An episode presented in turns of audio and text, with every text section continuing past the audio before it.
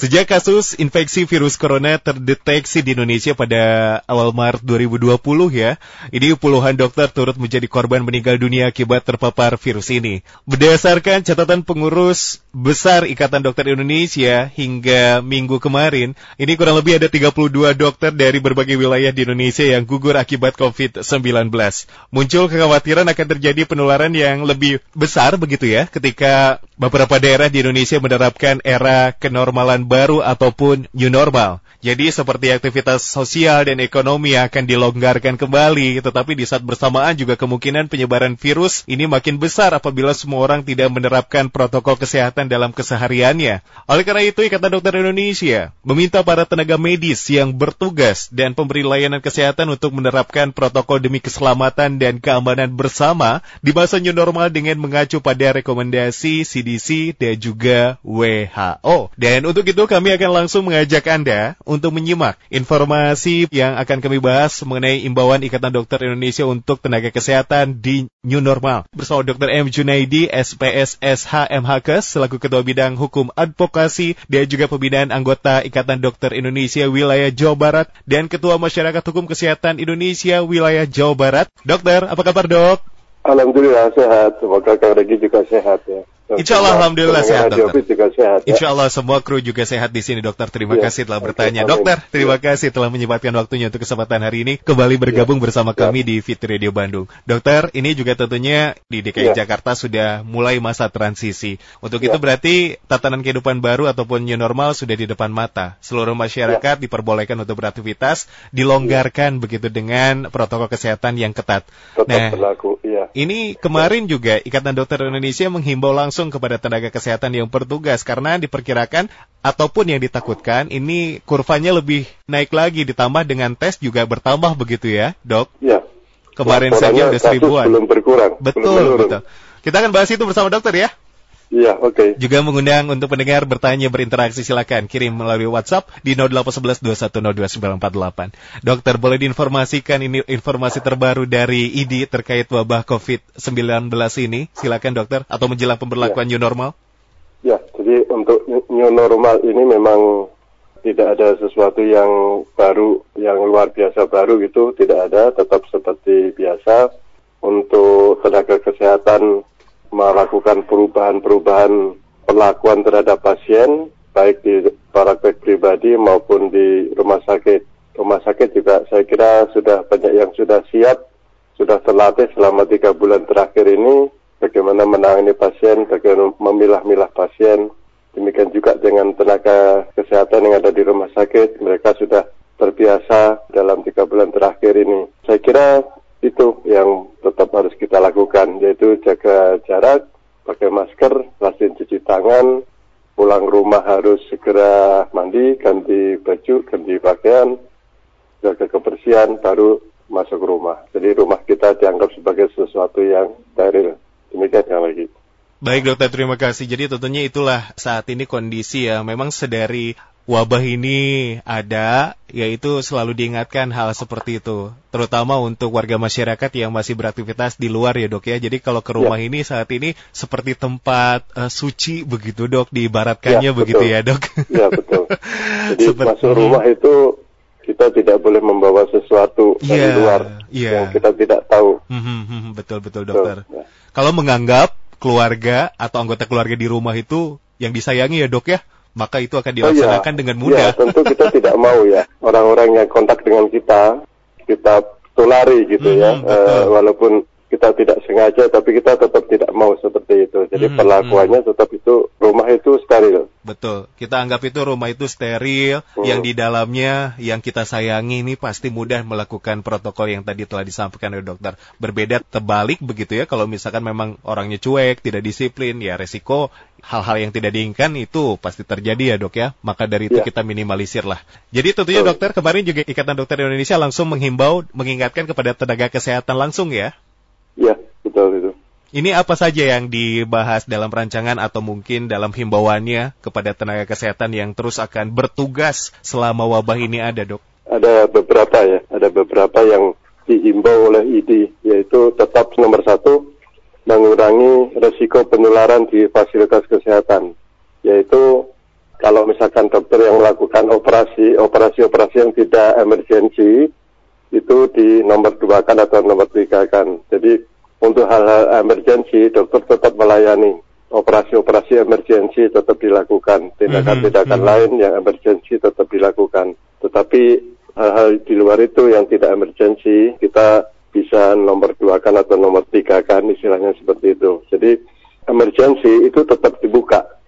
Kalau iya. kemarin kita mendengar ada rumah sakit yang tutup tidak melayani emergensi, itu bisa dialihkan ke rumah sakit lain yang masih tetap steril ya tenaga mm -hmm. kesehatannya. Mm -hmm. Jadi kalau begitu positif uh, hasil labnya ya tutup sementara 14 hari sampai betul-betul aman baru kemudian mm -hmm. buka lagi.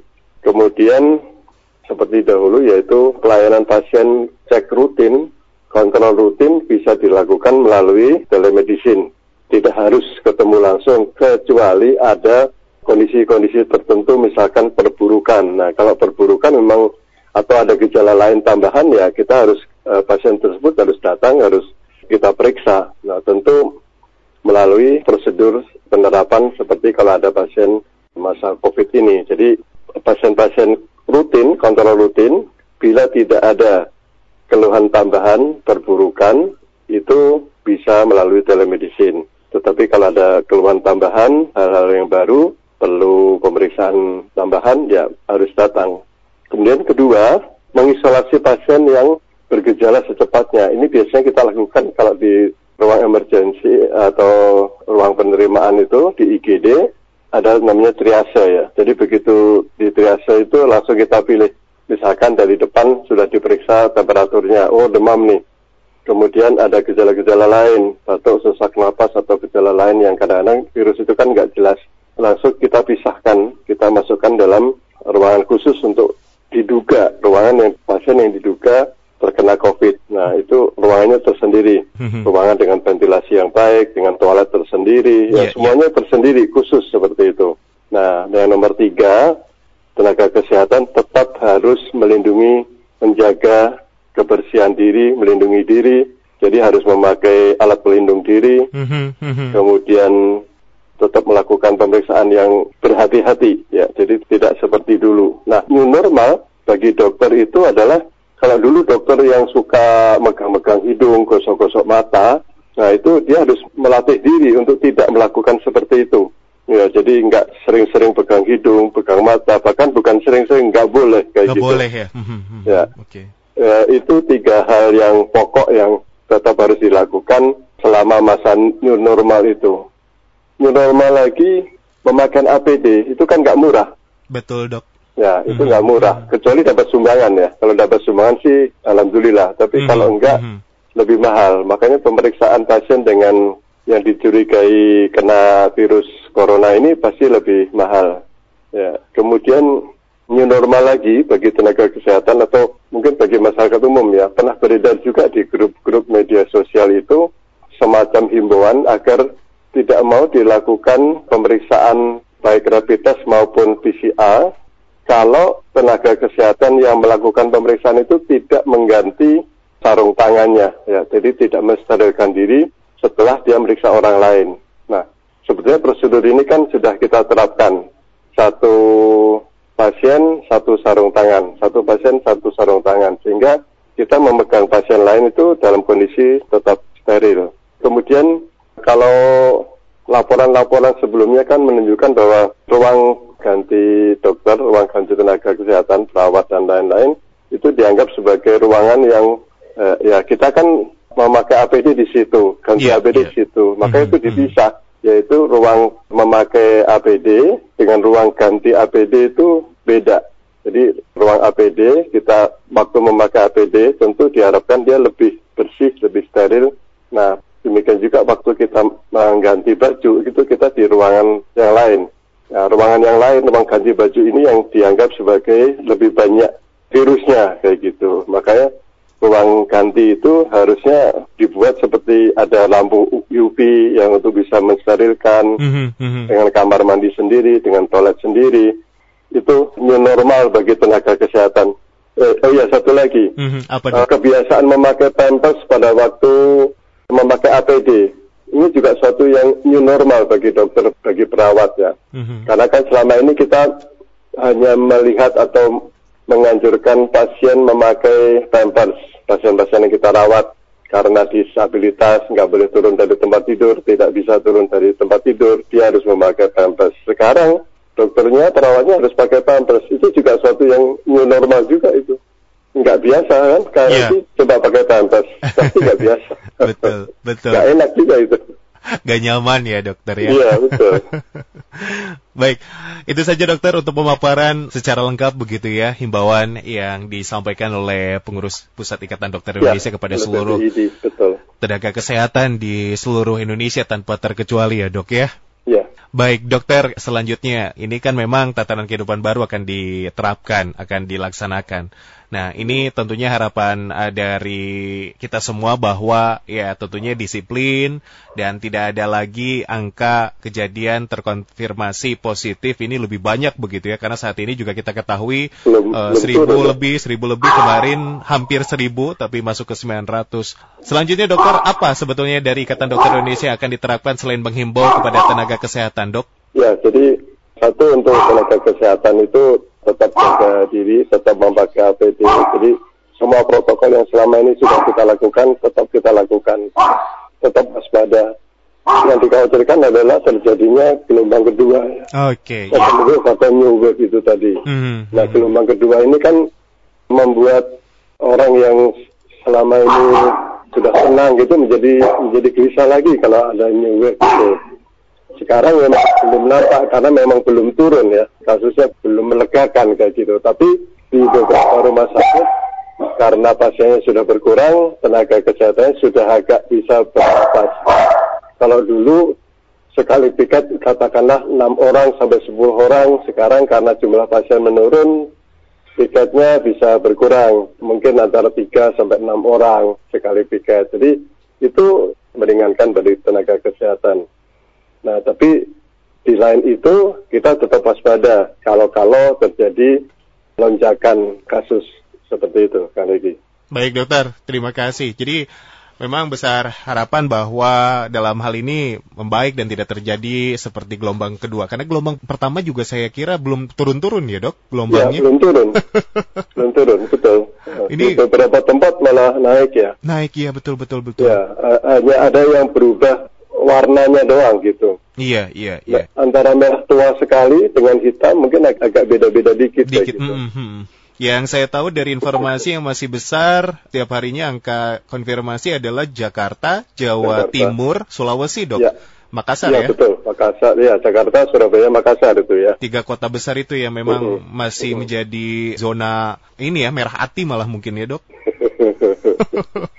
ini menjadi yeah. perhatian untuk kita semua. Tapi jangan lengah ya untuk daerah ataupun kota lain ya dok ya, karena memang resikonya pun sama. Jangan mentang-mentang. Sama, sama, tetap sama. Ya. Zona Jadi, yang paling aman bahkan, itu? Mm -hmm, bahkan di Surabaya terakhir itu kan ada dokter residen ya calon spesialis penyakit dalam senior calon ya jadi residen senior mm-hmm, itu mm-hmm. meninggal karena terkena covid kemudian istrinya juga masih dirawat juga karena covid sama juga terpapar juga. begitu ya gitu. dokter ya Iya. Ya, yang saya herankan memang sedikit saja membahas mengenai Surabaya, walaupun memang angka kejadiannya masih tinggi, tapi pemerintah setempat ini memperlakukan new normal begitu ya, tidak melanjutkan ya. PSBB. Mall sudah dibuka saya ya. lihat, luar ya, biasa betul. ya dok ya dibanding Bandung kalau kita bandingkan dengan Bandung ini lebih hati-hati ya. Ya, Bandung betul-betul uh, apa penerapannya berhati-hati sekali. Jadi hmm, hmm. pelan-pelan hmm. gitu. Jadi dia memakai data-data dengan data dan pertimbangan ya, hmm, hmm, hmm. yang saya kira bagus ya.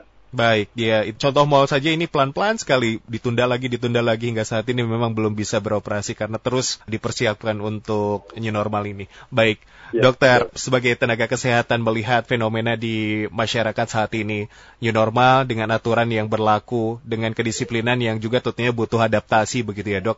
Butuh berapa lama dok semua ini akan berjalan lancar sesuai dengan harapan atau sama sekali ini sulit untuk dilakukan kedisiplinan ini di Indonesia? Mudah-mudahan pengakuan masyarakat ya. Saya lihat di luar orang masih tetap rajin memakai masker. Mm-hmm. Kemudian tempat-tempat umum yang kita kunjungin, kita selalu diperiksa temperatur, kemudian disediakan uh, hand sanitizer ya, yeah, tempat yeah. cuci tangan mm-hmm. dengan air. Jadi itu hal-hal yang bagus ya. Yang agak sulit di luar itu adalah jaga jarak. Untuk Mhm. orang dewasa saja jaga jarak agak sulit. Betul, betul. Apalagi anak sekolah yang kita khawatirkan nanti kan anak sekolah. Mhm, mhm. Kita kan makhluk sosial. Kita nggak mungkin ya untuk anak sekolah nggak boleh ngobrol, nggak boleh ngomong sama temennya. Emangnya ulangan sepanjang hari. Nggak boleh ngobrol sama teman sendiri kan Iya, gitu. iya. Nggak boleh dekat-dekatan. Apalagi kalau anak-anak kan kita tidak bisa menjaga mereka setiap waktu. Mereka bisa saja tukar menukar masker, saling melihat masker milik temennya yang mungkin lebih bagus, Iya, iya. yang iya. lebih menarik. Nah itu juga susah juga. Iya. Ya menarik sih memang. Ya, tapi kita harus optimis ya dok ya dalam hal ini. Oh iya. Mudah-mudahan juga. Eh, istilah kalau ekonominya kan the show must go on ya. Jadi Mhm, mhm. eh, kehidupan tetap berlangsung, tetapi di dalam tatanan yang baru. Nah itu yang namanya AKP itu atau new normal itu. Ya betul, kebiasaan baru ini sudah disosialisasikan di mana-mana. Mudah-mudahan masyarakat juga saya yakin memiliki gadget ataupun gawai bisa melihat dan belajar membiasakan begitu ya dokter ya. Iya, jadi sudah sih, saya lihat sih udah ya. Jadi Mhm, mhm. dari tiga hal itu, jaga jarak, pakai masker, cuci tangan, Iya. itu pakai masker udah, udah udah bener lah istilahnya gitu. Mhm, mhm. Eh, perkara dia tidak sepanjang waktu memakai masker, kadang-kadang dilepas, kadang dipakai, Mhm, tapi mhm. mereka pakai, pakai masker. Oke. Ya, kemudian cuci tangan juga mereka lakukan itu. Yang agak agak susah adalah jaga jarak ya. jaga jarak.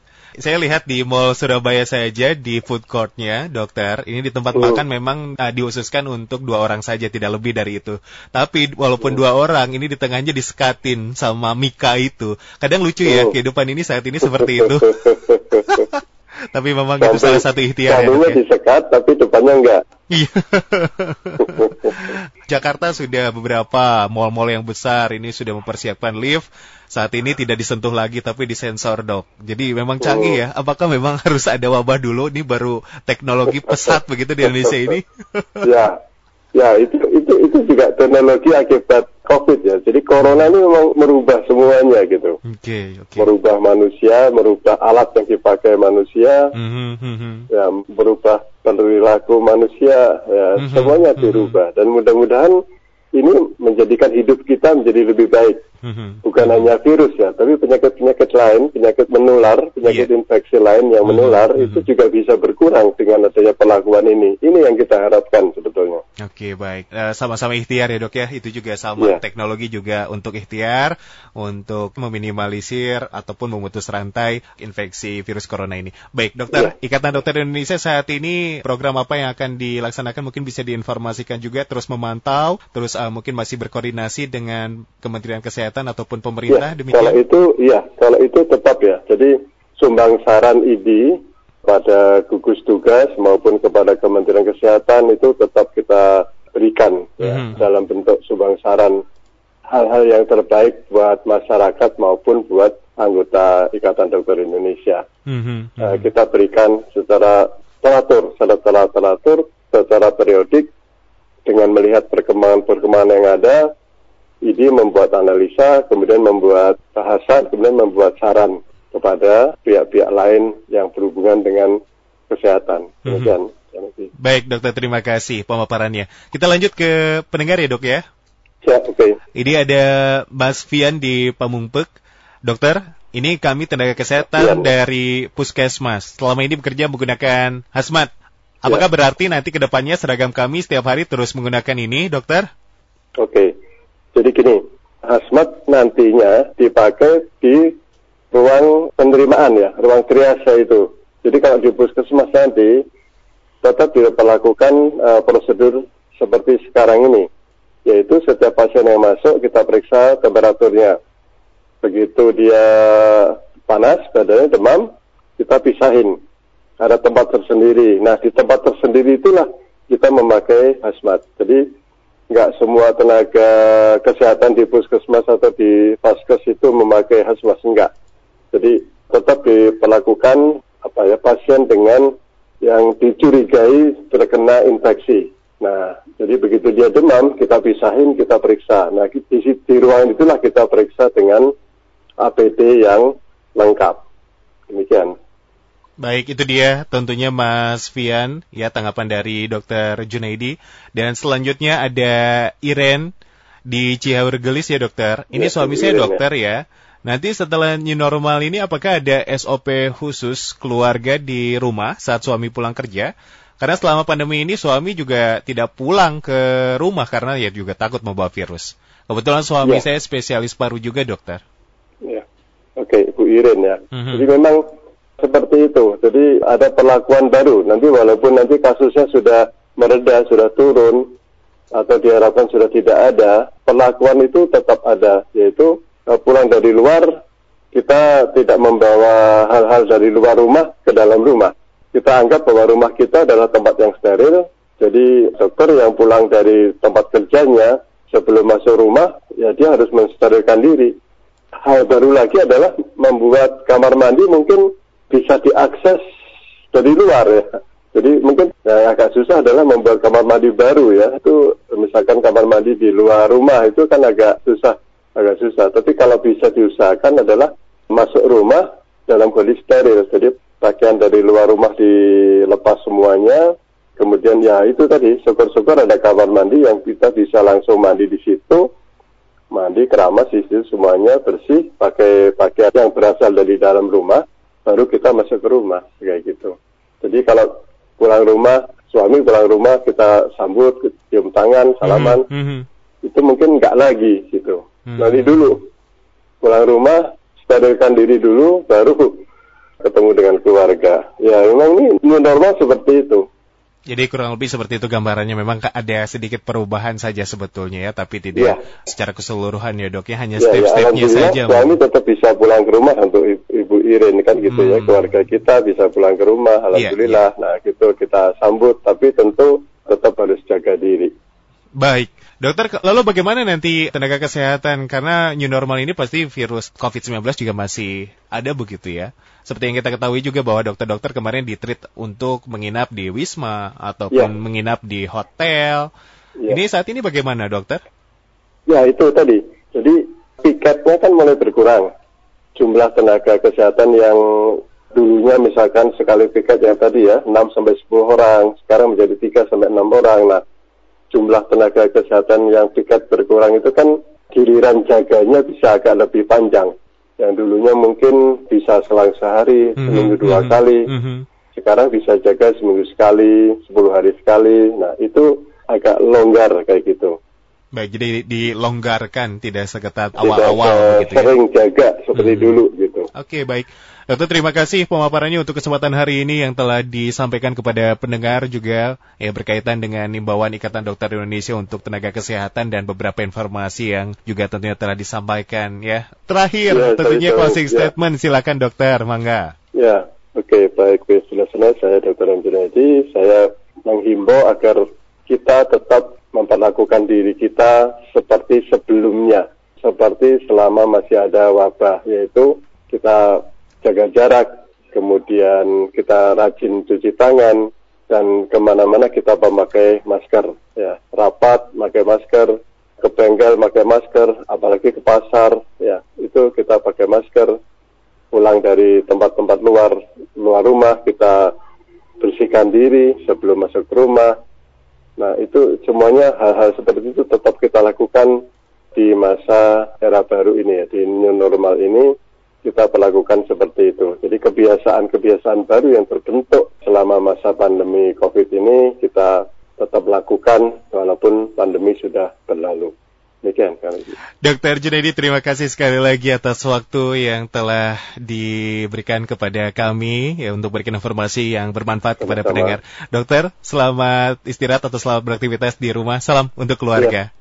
Demikianlah bersama Dr. M. Junaidi, SPS SHMHK, selaku Ketua Bidang Hukum Advokasi dan Pembinaan Anggota Ikatan Dokter Indonesia Wilayah Jawa Barat dan Ketua Masyarakat Hukum Kesehatan Indonesia Wilayah Jawa Barat. Berikan informasi kepada Anda mengenai imbauan Ikatan Dokter Indonesia untuk tenaga kesehatan di New Normal.